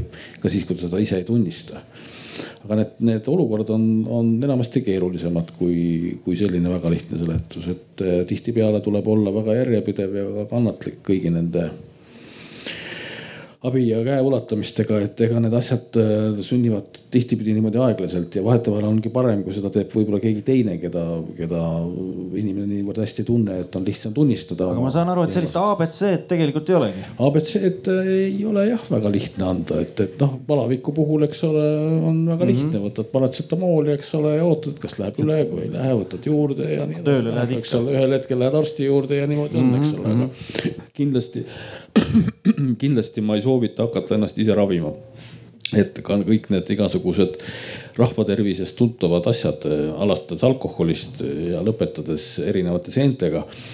et, et nad on keerulised, noh, võib-olla ma olen liiga kartlik, sest ma olen natuke seda asja õppinud, eks ole, aga, aga, aga kui mina mõtlen selle peale, mis kõik ajus võib toimuda, kui sa ühte või teist asja manustad, siis mina, minul oleks hirm et inimesed on tavaliselt julgemad natukene jah, aga, aga need tavalised äh, tava nagu äh, rahva nagu arusaamad, seesama ütleme alkoholi teema näiteks see, et, et noh, et, et, et lihtsalt, et alkohol. kindlasti on alkohol kõige universaalsem äh, rahusti või lõõgasti, mida, mida kogu maailmas kasutatakse aga, aga paratamatult tal on omad väga negatiivsed küljed, alates sellest, et kõigil meil on erinev natukene tundlikkus selle suhtes, meie ajud on erinevad ja teiseks ka see, et seda, seda, seda piiri ikkagi on raske tunnetada, kust läheb üle see nagu rahustav toime ja hakkab toimuma midagi muud, tavaline nagu selline mürgitus või intoksikatsiooniseisund, et, et selles mõttes on tegemist ohtliku, ohtliku ravimiga ma ootan teilt ka samu vastuse või samale küsimusele vastuseid. ma küsin veel niimoodi ka, et vaadates nüüd tagasi sellele, mis te läbi olete elanud. ühte ja teistmoodi. mida ja kas on midagi, mida te teeksite nii-öelda teistmoodi? või et kui mul oleks juhtunud see asi varem või teistmoodi, siis ma ei oleks kõiki neid asju pidanud tänaseks läbi elama no minu diagnoosi puhul on väga raske öelda, et kas see konkreetne trauma just äh, teismelise eas oligi see põhipõhjus, sest äh, võib võimalik, et ta oleks niisama ka välja löönud hilisemas eas, kahekümnendate alguses või lõpus või. aga teistmoodi võib-olla ma oleks seda teistmoodi teinud, et, äh, et ma ei ole, ma ei paneks oma last, kui mul oleks endal laps äh, samasse kooli, kus on mitu sugulast, lähisugulast. nagu sinul oli? nagu minul oli, et mul oli vanaisa direktor, kehalise-õpetaja treener, siis ema oli klassijuhataja loodusõpetaja, keemiaõpetaja, vanaema oli inglise keele õpetaja, et ja see oli maakool ka, nii et te võite kujutada ette, kui lõbus mul seal oli nagu nii positiivses mõttes kui negatiivses mõttes, et tähelepanu oli mul küllaga, et siis oligi, et nii, et kui need pildid välja tulid, et siis oli see muidugi, et näe, Madis ju. Et noh, et oleks noh lihtsalt ongi tähelepanu kordades rohkem. ja ma tean, et teised, teistel mõnedel oli ka üks vanem, et juba nendel oli raskem seal koolis olla, aga kolm vanemat või kolm sugulast, lähisugulast on nagu, see on äh, liiga palju, et äh, selles mõttes, et ma ei paneks elu sees sinna samasse kooli, et äh, aga tegelikult, äh, kui niimoodi vastata, et, et äh, kas ma praegu olen rahul, et kuhu see elu on läinud, siis tegelikult äh, ma olen rahul jah oma eluga selles suhtes, et ma olen leidnud oma nagu ala, oma niši, mida teha. Ja see on nagu selles mõttes, et see minevik oli väga raske, aga ma õppisin sellest ja nüüd saan teisi aidata, et see on nagu omaette väärtuse loomine. et jah ma pigem nagu isegi olen rahul, et praegu on elu niimoodi läinud, sest võib-olla ma ei oleks nii empaatiline, ma ei oleks nii arusaadav inimene. ma ei oleks nii tundlik ja sihukene abivalmis ja kõik siuksed asjad, ma oleks võib-olla hoopis teine Madis, kes seda teab skisofreenia kohta öeldakse ka vähemalt jällegi internetiavarustest, kus on hästi palju tarkasid inimesi, kirjutavad läbides hästi korraliku koolituse, enne kui nad sinna võivad midagi kirjutada. et äh, noh, skisofreenia, et kui sa juba oled haiglasse sattunud ja mitu korda, noh siis on juba pidu läbi, et äh, siis ei saa sinust enam asja. sa oled hull, oled valmis ja, ja täisväärtuslikku elu jääb päris kindlasti elamata. niimoodi ma lugesin mitmest kohast.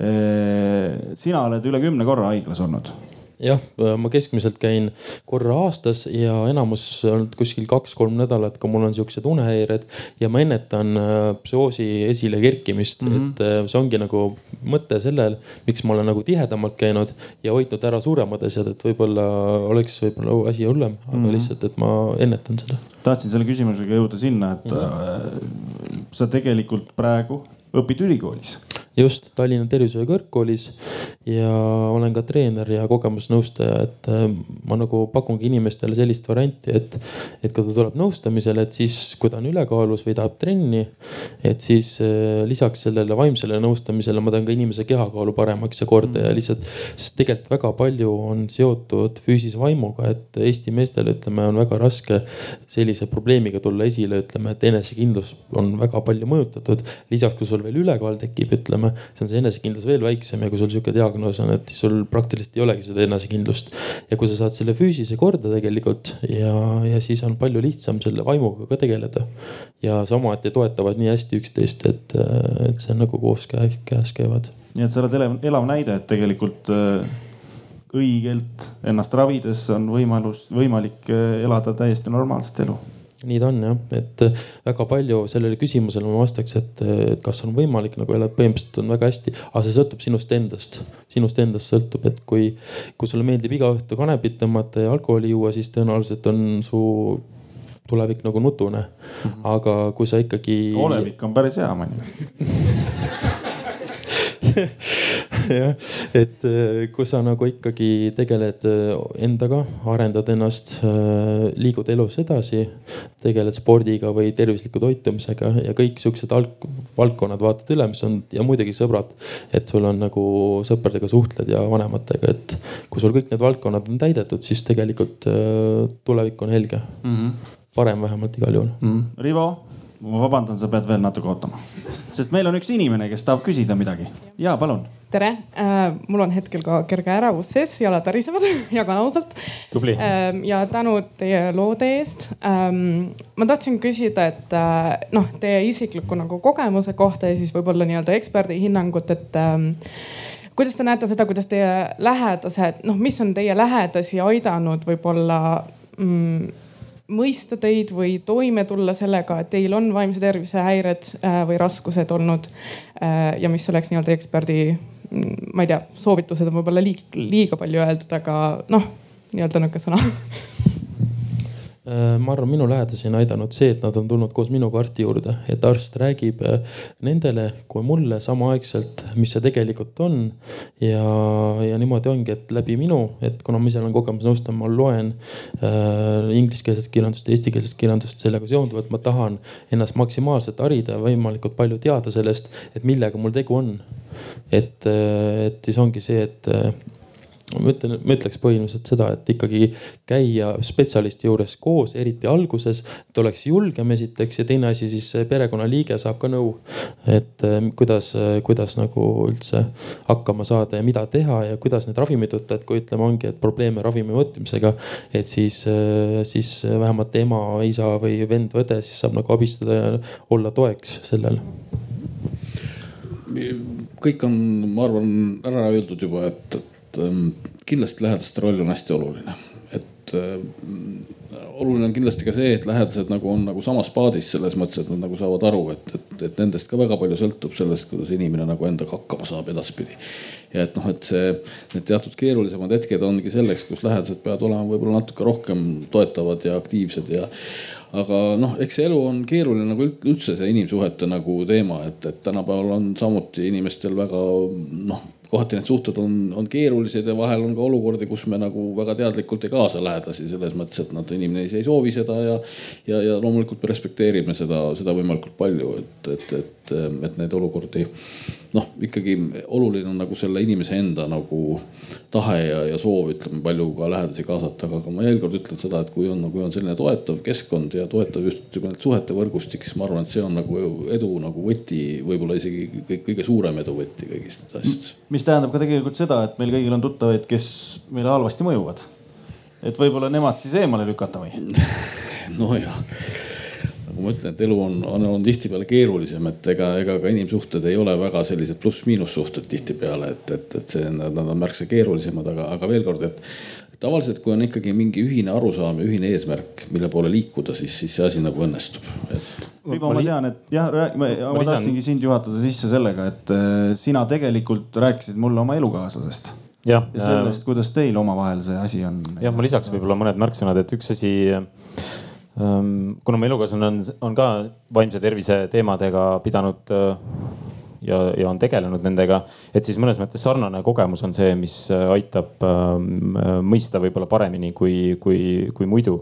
aga see on muidugi ma saan aru, et kui ma selle välja ütlen, et siis ma soovin, et kõik kogeksid seda, mis me oleme siin, millest me oleme täna siin rääkinud, et siis seda ma, ma ei soovi, et kindlasti see empaatiavõime, mida, mida Madis tõi välja, kasvab läbi nende, nende sündmuste.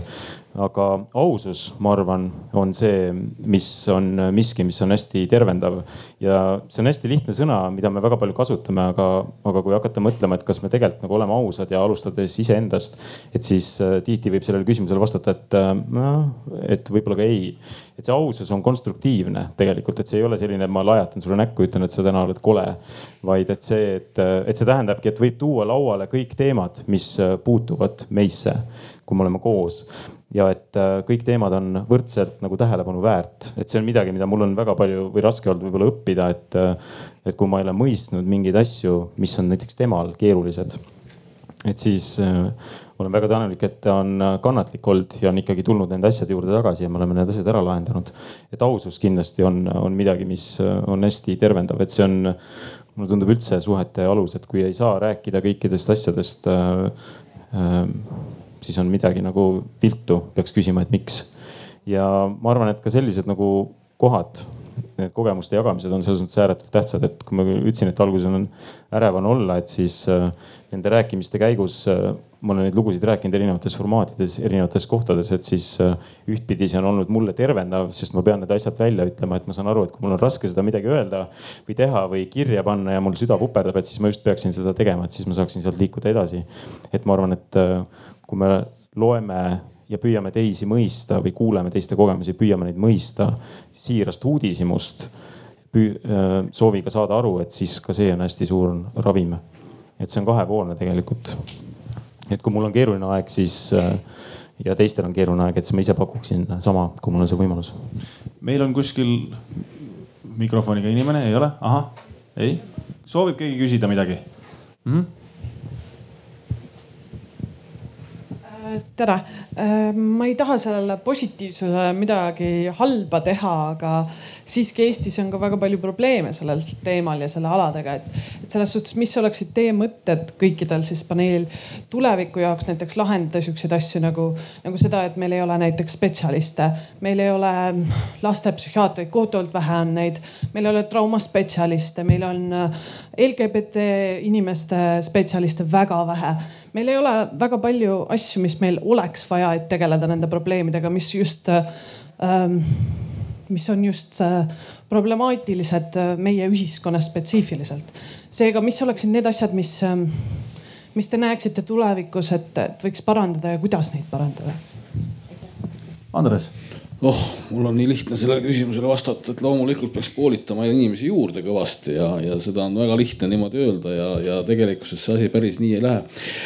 Ja ma arvan, kõigepealt üks hästi oluline teema on see, et vaimne tervis ei ole ainult nagu arstiteaduse teema, eks ole, et noh, praegu ka, eks ole, et see, et mina olen psühhiaater, siin on nagu natuke juhuslik, eks ole, et siin võiks sama hästi istuda psühholoog või, või, või mõne muu valdkonna inimene, kes ka vaimse tervise probleemidega tegeleb elik et me ei pea seda teravikku ajama sinna väga nagu üles-välja, et tõepoolest ma, mul on kahju teile pettumust valmistada, aga minu elueal ei saa Eestis olema rohkem psühhiaatrit, sest kõik need, kes saavad psühhiaatriks, on juba kuskil lõppes, eks ole, ja me teame kõiki neid väljavoolamisi ja ja pensionile minekut teemasid ja kõike, noh, nii me oleme. me ei ole tegelikult oma naabritest väga palju kehvemas seisus.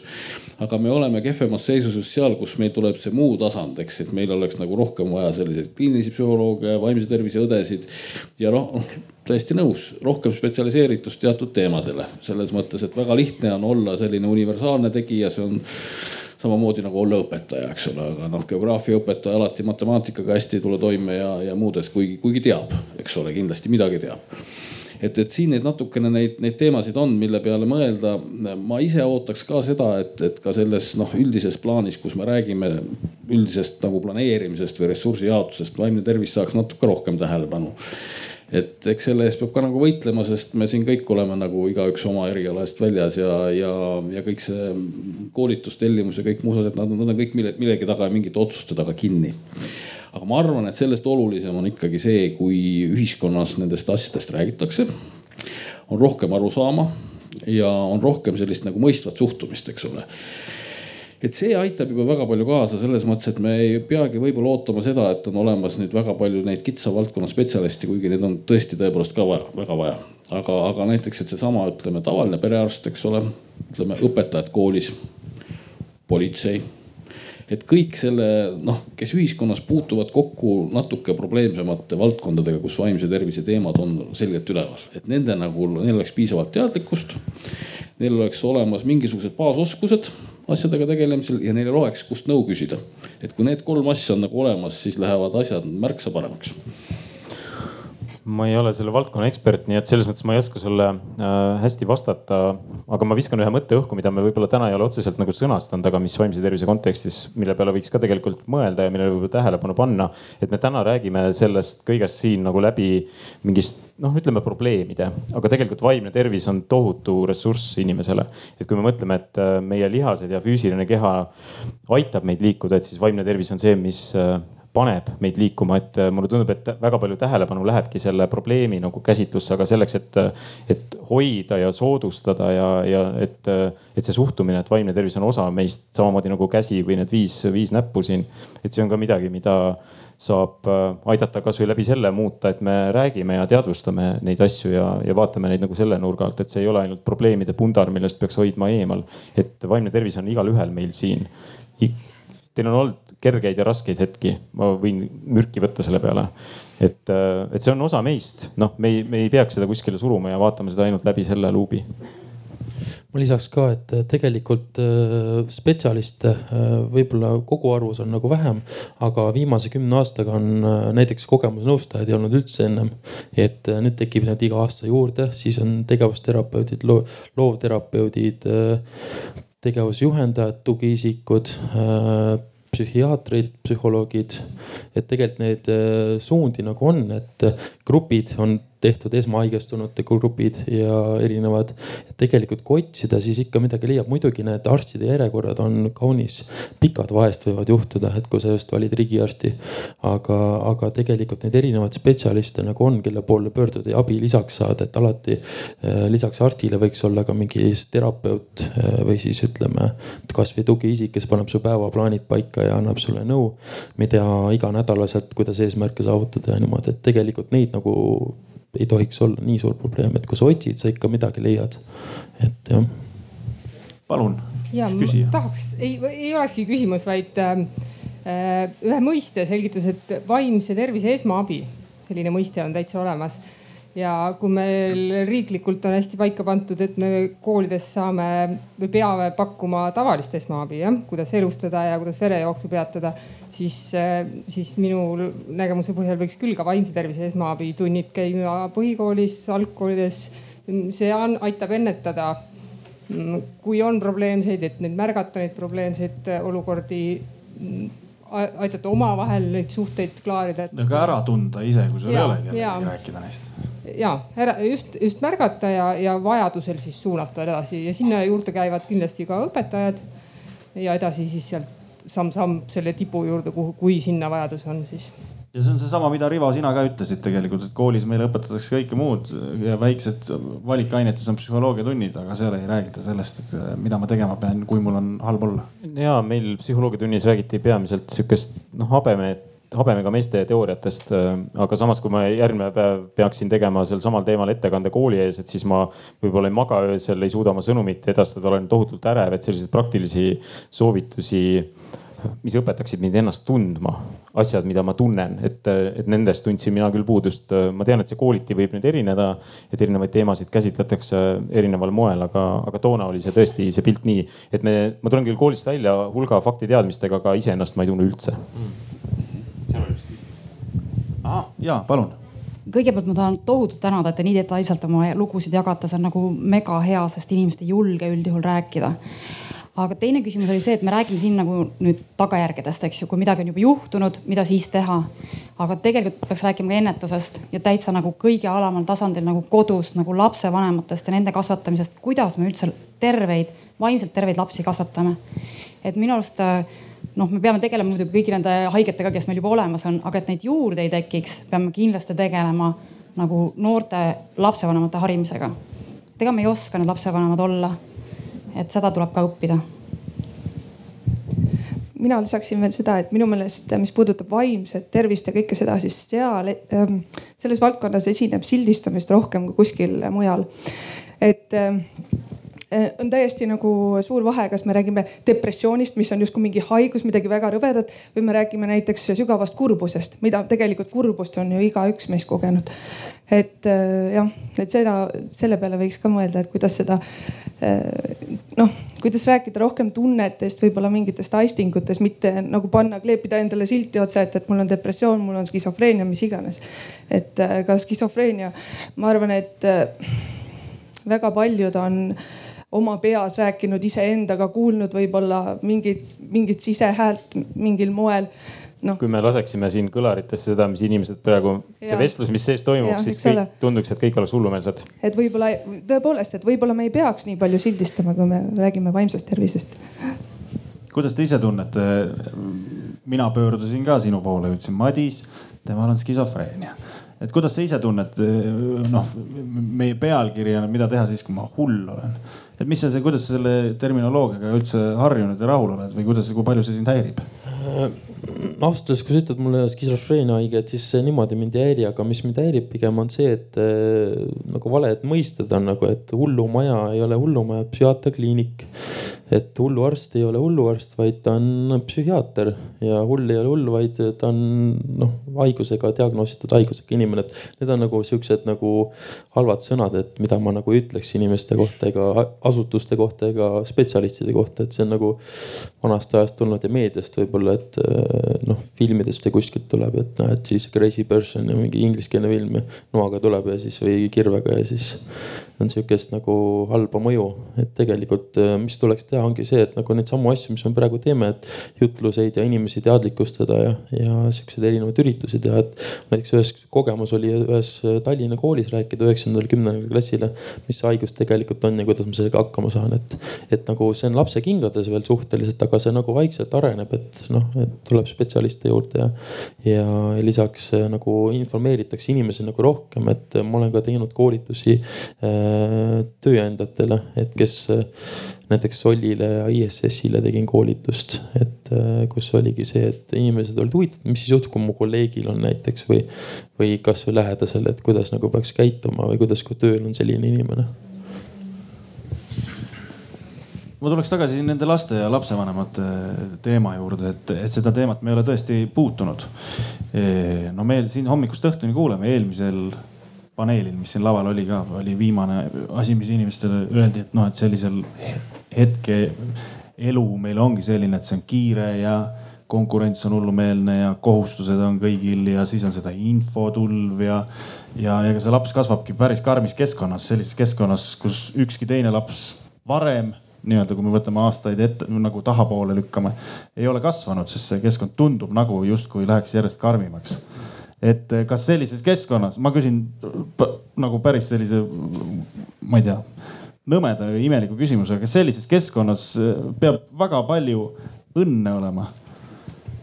et laps kasvab normaalselt ülesse kas elus peab üldse õnne olema, et ega lapsed sünnivad ju väga erinevatele vanematele ja nad ei saa ise oma vanemat valida ja, ja kõik see muu selline targutamine, mis sinna juurde käib, aga see on selles mõttes õige, et, et kindlasti noh, selline hea ühiskond peaks olema sedavõrd märkav, et ütleme, sellised olulisemad eluetapid, ma arvan, et inimesega vaimse tervise mõttes on see, need esimesed eluaastad on hästi kriitilised, eks ole, üldse lapse iga on hästi kriitiline, sest see aju küpseb, eks ole, ja kõik need kogemused tulevad ja kõike seda, ehk siis see tegelikult see lastevanemate nagu õpetamine, toetamine, noh õpetamine heas mõttes, selles mõttes, et neil oleks nagu, nagu seda teadmist kuskilt võtta, kuidas olla hea vanem, et neil oleks aega.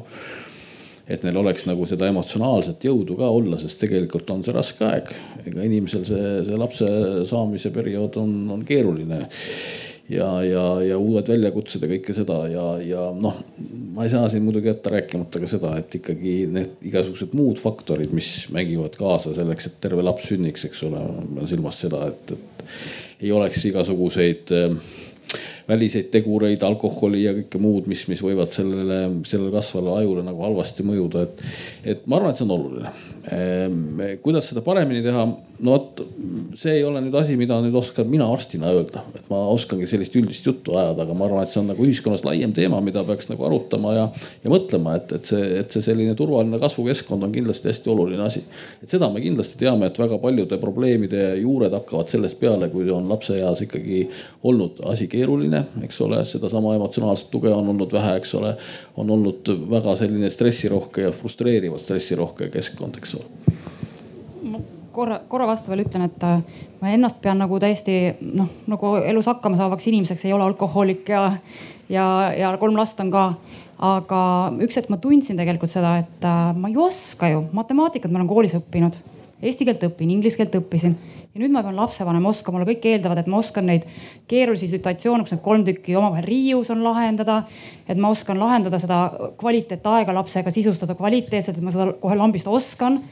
et ei oska, et tegelikult on olemas neid koolitusi ja vahendeid, mida minu arust siis tuleks lihtsalt rohkem äh, reklaamida ja kasutada, et mina käisin äh, kui mul kolmas laps sündis, pärast seda käisin Gordoni perekooli koolitusel ja mu abikaasa on ka käinud ja sellest on tohutult abi olnud laste kasvatamisel.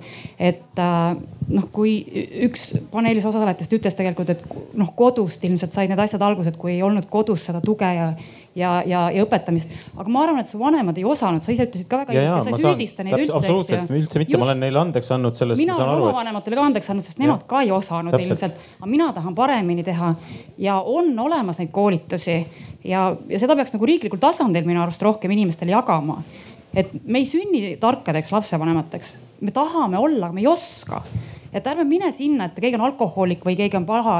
seda me ei suuda nagu ilmselt nagu välistada mingite riiklike abivahenditega, aga koolitada nagu enamus meist on normaalsed inimesed. meid võiks aidata, koolitada, anda seda infot rohkem ma lisan ühe mõtte võib-olla siia, et see lapse kasvatamisest ma ei tea mitte midagi äh,.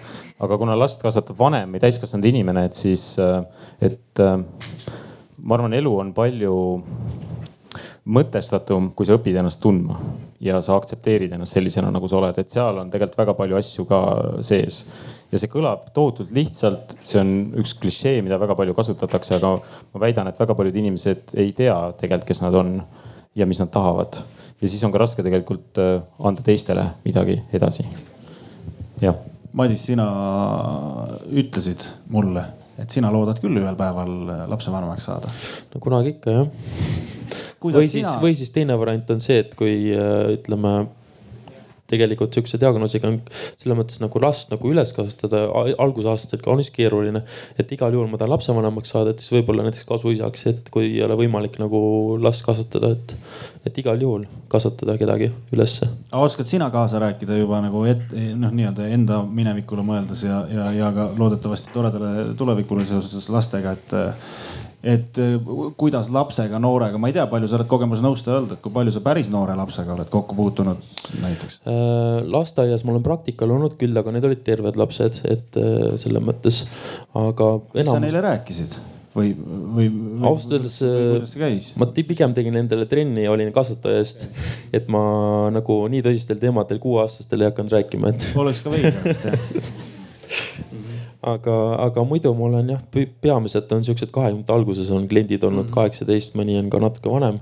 ja nendele on nad andnud jah igasugust nõu sõltuvalt, mis, mis nad tahavad, et mis mm, -hmm. mis vajadus, need on kõigepealt ma kuulan lihtsalt. mõni inimene tulebki lihtsalt nõustamisele ja tahab, et mured, et täiesti tund aega lihtsalt räägib oma muresi ja ütleb suured tänud sulle, et, et sa juba aitasid mind sellega, et ma kuulasin, sain lihtsalt rahulikult kuulata.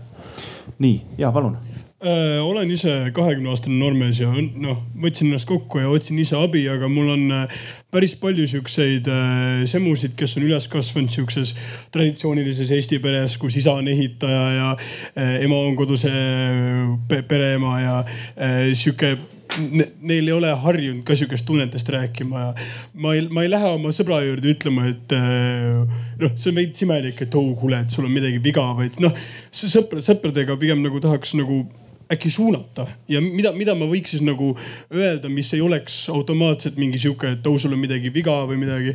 mis oleks pigem midagi, mis ma võiks nagu suunavat öelda, mis võiks temal nagu iseenda peas selle otsuseni jõuda, et ma võiksin äkki abi otsida nojah, Eestis on juba tekkinud ka selliseid sotsiaalmeediakeskkondi, kus, kust võib, on võimalik nagu abi otsida, et kui natuke nagu ringi vaadata, avitus tuleb esimese hooga meelde, peaasi, ütleme sellised koduleheküljed, kus on võimalik saada kindlasti nii-öelda järje peale. ehk sa saad nagu mingisuguse info sealt juba kätte, vähemasti seda, kust nagu abi otsida ja kõike muud sellist ja, ja ma arvan, et, et seesama asi, et ikkagi natukene seda sõpra siis ikkagi nagu selles mõttes toetada, et noh, tulla teema juurde võib-olla mõni teine kord tagasi veel, eks ole, et vaadata, küsida, et kuidas on läinud, eks ole, ja kuidas asjadega on, et et nii, nii see tasapisi läheb jah. aga, aga seda võiks olla rohkem, ma arvan, et üks asi, millest mina nagu ka arstina palju puudust tunnen, ongi needsamad, ütleme sellised võib-olla rohkem sellised eneseabile suunatud rühmad, sama kogemusnõustamine, mida sa Madis väga tänuväärset tööd teed, et. et seda võiks olla nagu rohkem, et ma veel kord tulen selle juurde tagasi, et noh, mina olen ka omal ajal nagu õppinud ja arstiks saanud ja keskkonnas, mis oli väga hierarhiline selles mõttes, et kõige otsas oli ikkagi arst, kes ütles lõpuks, mis on diagnoos, eks ole, mis saab ja kõik muud. tänapäeval me enam, me enam nii ei tee, vähemasti me proovime mitte nii teha, et, et, et, et see on nagu igasugune selline nagu ka toetuse abisüsteem peab ikkagi eeskätt olema inimese keskne ja lähtuma nagu tema nagu vajadustest ja, ja tema nagu olemusest ja kõigest sellest, et selles mõttes, mida rohkem on, on selle valdkonna spetsialiste, ka siis, kui nad ei ole tiitlitega, vaid kes on sellised ka vabatahtlikud abistajad. ma arvan, et sellest on tohutult abi teine asi, mida ma, ma enne kui aeg otsa saab, ma kogu aeg mõtlesin, et kas ma peaks nagu mõtlema, tükk aega mõtlesin, et mis võiks olla selline nagu, et need üldised loosungid kipuvad olema siuksed klišeelikud, aga ma arvan, et Eestis ütleme, millest meil väga palju puudu jääb, on sellisest samasest, ütleme inimese kesksest uhkustundest ütleme sellest noh, inimese väärtustamisest või et meil kõigil on nagu õigus olla sellisena, nagu me oleme, eks ole, ja, ja see on nagu väärtus omaette. aga meil peaks olema ka võib-olla natuke rohkem sellist nagu kogukonnana rahvusena, eks ole, rahvana natuke sellist rohkem uhkustunnet, et see, mis me teeme, on tegelikult õige, eks ole, et iga päev, mis on, mis on elatud, on olnud positiivne, eks ole, ja, ja, ja me peaksime nagu olema nagu, nagu tulevikku vaatavad, et me armastame tohutult rõhutada neid igasuguseid kannatusi ja raskusekti ja see kõik on õige, see kõik on olnud ja, ja kõike seda, aga, aga sa pead nagu suutma elus ikkagi leidma seda nagu seda seda positiivset hetke, mille, mille poole nagu edasi vaadata, et see aitab tohutult palju edasi ka siis, kui on raske ja, ja ma arvan, sihuke nagu selline uhkustunne ja iseenese väärtustamine on üks oluline asi, mida, mida tõenäoliselt peaks ka nagu koolis õpetama natuke rohkem, et et ma vaatan oma poja poolt täpselt sama asja, et noh, see põhiline hirm on ikka kogu aeg see, et, et sa koolis ikkagi tunned, et sa ei ole päris ei oska ja, ja, ja ei noh, ei, ei ole nii hea kui teised ja kõik see, et mulle tundub, et see on ka tänapäeva teismelistel noortel väga sihuke tõsine teema, eks ole, millega nagu. ma vaatan nagu natukene mujal maailmas, siis nagu noored on natukene positiivsemad ja natuke rohkem hindavad ennast ja on julgemad sellised, nagu nad on, eks ole. et võib-olla siin on midagi nagu ühiskonnas ka, mida me peaks nagu natuke rohkem nagu väärtustama või tegema natuke teistmoodi või olema kuidagi teistmoodi oska seda täpselt väljendada. me jõuame sinna kooli juurde ühte või teist või kolmandat pidi jällegi tagasi, eks ole. ma lisan ühe täienduse, et võib-olla ma prooviksin niipidi, et ma ei ütle, et, et kuule, et sul on midagi viga, vaid kirjeldaksin, mida mina tunnen, et mulle tundub sinu käitumine on selline, äh, et võib-olla seal on midagi, mis sa tahaksid rääkida, et kui, kui ma lähen sellega, ütlen, et sul on midagi viga, et siis noh et mõtle, kuidas sa ise reageeriksid sellele. kas üks võimalus võib ka olla nii, et teil on mingisugune seltskond ja te kutsute hea sõbra Madise sinna? juhuslikult lihtsalt saad kokku ja viite kokku inimesed ja Madis, ma arvan, et juba oskab läheneda küll inimesele? Äh, jah, aga tegelikult tahtsin rääkida sellest kogemuse nõustamisest ka, et tegelikult seda on, äh, neid nõustajaid tuleb rohkem peale, kui on kliente isegi, sest äh, kliente on tegelikult, ma ei ütle, et neid nõustajaid tuleb väga palju peale, aga kliente on lihtsalt nii vähe. see on üllatav, kui vähe on kliente, tegelikult ma olen nagu abinõus pakkuma kõigile, kes tulevad mu juurde nii füüsiliselt trenni suhtes, toitumise suhtes, nõustamise suhtes, aga tegelikult reaalsus on see, et kuu lõikes on võib-olla üks klient, kaks klienti, kui on mingi tore lugu olnud, siis tuleb kolm-neli klienti. mõni kuu, kus ei ole ühtegi klienti, et see on nagu huvitav, et, et nagu, et see ei ole nii populaarne, aga see on muidugi lapse kingades ka veel, et see on alles võib-olla mingi viis aastat populaarne olnud äkki. et võib-olla inimesed ei teagi, mis see reaalselt on ja, ja kui palju abi sellest võiks saada. et jah, ma lihtsalt tahtsin seda ära märkida. on meil veel ah,, jaa, palun, muidugi me arutasime enne ennetuse teemat ja rääkisime palju ka lapsevanematest, aga ma arvan, et meil on ühiskonnana tegelikult väga palju kasu, kui meil on rohkem mingeid baasteadmiseid vaimsest tervisest. ja mul on sellega seoses üks idee kui me hakkame mõtlema, kuidas on rahvani jõudnud see, et on toidupüramiid, kuidas võiks toituda, et võiks kolm korda nädalas trenni teha või kümme tuhat sammu päevas teha, siis miks meil ei võiks olla ühte suuremat välikampaaniat vaimse tervise kohta, kus on sellised põhitõed. jah, see on kõvasti raskem kui füüsilise tervisega, aga see juba aitab palju, kui see on täiesti normaalne olla pidevalt rahulolev, mitte nagu väga rõõmus või väga kurb või et kõik su mõtted ei ole tõesed, et see, kui sa ütled, et sa oled idioot, siis see on üks mõte, mida sa saad olla, et oi, see natuke läks halvasti, aga näed, tegelikult ma koolis olen ju tubli. et äh, või siis, et füüsiline tervis on vaimse tervise alus, et kui sa magad korralikult, hästi, toitud hästi, siis sa tunned ennast vaimselt ka paremini. et võib-olla on üks selline suurem välikampaania, mis selliseid baasmõtteid inimestele edasi annaks ja õpetaks meid hoidma enda vaimset tervist. siis on paremini ka ehk ma lisaks sinna ühe kirja, kust väga palju stigmasid tuleb, et Hollywoodi filmid ei ole dokumentaalid. et äh, seal on, on päris palju asju ka sees ja need välikampaaniad tegelikult on olemas, aga tegelikult ma isegi võtaks need välikampaaniad ja paneks jällegi tagasi sinna kooli näiteks. kohe algusest peale ongi selline tund, kus me hakkamegi õppima, kes me oleme ja mida me tunneme ja, ja see on normaalne, kui me tunneme natuke teistmoodi. et neid kampaaniaid tegelikult korraldatakse ju pidevalt ja kogu aeg. Need ei jõua võib-olla kõik täpselt sinna, kus me tahaksime või kus neid vaja oleks. jah et äh, ma eelkõnelejaga täiesti nõustun, et äh, inimesi oleks tõesti vaja natukene rohkem nagu harida sel teemal, mistõttu on väga hea meel näha, et siin nii palju huvilisi on. et kõik soovivad end sel teemal harida. aga et kui kampaania tegemiseks juba läheb, siis ma võib-olla küsiksin Rivo ja Madise käest, et äh, mis oleks teie arvates need kesksed sõnumid või põhisõnum, millega me kõik siit täna peaksime ära minema, millest ma saan õhtul oma sõpradele ka veel rääkida, et vot need on need asjad, mis ma täna siit kaasa pean viima endaga. no ma ütleks, et äh, lootus on kindlasti üks suuremaid sõnu, mida siit kaasa võtta, et, et see, et kui sul on sihuke diagnoos, nagu alguses juba räägitud, et, et siis see ei tähenda, et sul on elukvaliteedil nagu lõpp, et tegelikult, kui sa nagu nagu tegeled endaga, käid spetsialisti juures, hoolitsed enda eest, et siis tegelikult on võimalik täiesti normaalset elu elada, nii et, et tänavapildis äh, ei saa keegi arugi, et sul midagi viga oleks või ütleme, kooli tulemused langeksid või. kui sa hoiad kõiki nagu eluvaldkondi nagu selge piiri peal, et äh, oled mõõdukas, ütleme vaimse tervise probleemiga ongi see, et sa tegelikult ei tohiks üle sportida, sa ei tohiks üle õppida nagu rohkem kui tavainimestega, et siis ongi, et kui sa mõõdukana hoiad kõiki valdkondi, siis on võimalik, et sa kõigiga saad hästi hakkama. ma täpsustan, et ma mõtlesin, kuidas me ühiskonnana peaksime suhtuma inimestesse, kellel on mõni vaimse tervise mure. et tõenäoliselt, kui äh, sotsiaalses olukorras äh, inimene saab esmakordselt teada, et äh, sul on vaimse tervise mure, siis võib-olla tekib korraks niisugune šokimoment, kus ta taganeb sinust või, või satub kuidagi ebamugavasse olukorda, et ei tea nüüd, kuidas edasi rääkida. et mis oleks nagu see sõnum mida iga inimene võiks siit täna kaasa viia, et, et millele, millele mõelda tasuks nagu? It could happen to you.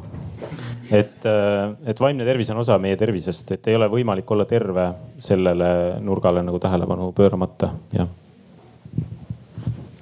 mm,. ja palun. ja tere, ma olen Jüri ja ma olen Paide õpetaja ja siin on mitu korda käinud läbi õpilaste küsimus ja tegelikult on täitsa olemas, me oleme juba ühe aasta teinud, on Eestis olemas vaikuseminutite koolitus. mis ongi siis selline metoodika, mis on äh, noortele mõeldud ja kus me õpetame, kuidas endaga toime tulla. kuidas äh, hingata, kuidas äh, midagi tunda, kuidas enda emotsioonidega ja mõtetega toime tulla. et, et see tegelikult tuleb koolidesse sisse vaikselt. Aga ta tuleb alles nüüd ja alles nagu sa ütlesid, üks nüüd, aasta, eks ole. aga me vähemalt liigume õiges suunas. ma loodan vähemalt seda. head sõbrad, meil on aeg läbi. mul on väga hea meel, et teid nii palju siin oli ja mul on eriti hea meel eh, nende kahe mehe üle, kes tulid ja avasid ennast ja rääkisid ausalt, nii et teeme aplausi neile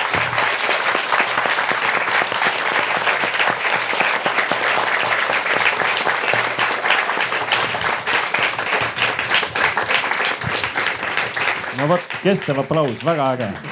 ja Andres, aitäh ka sulle, sa said siit palju nüüd ideid, mida minna oma kolleegide juures edasi rääkida, eks ole. aeg on hakata kaks korda rohkem tööle. ühesõnaga aitäh teile, head festivali külalised ja, ja kõike head, aitäh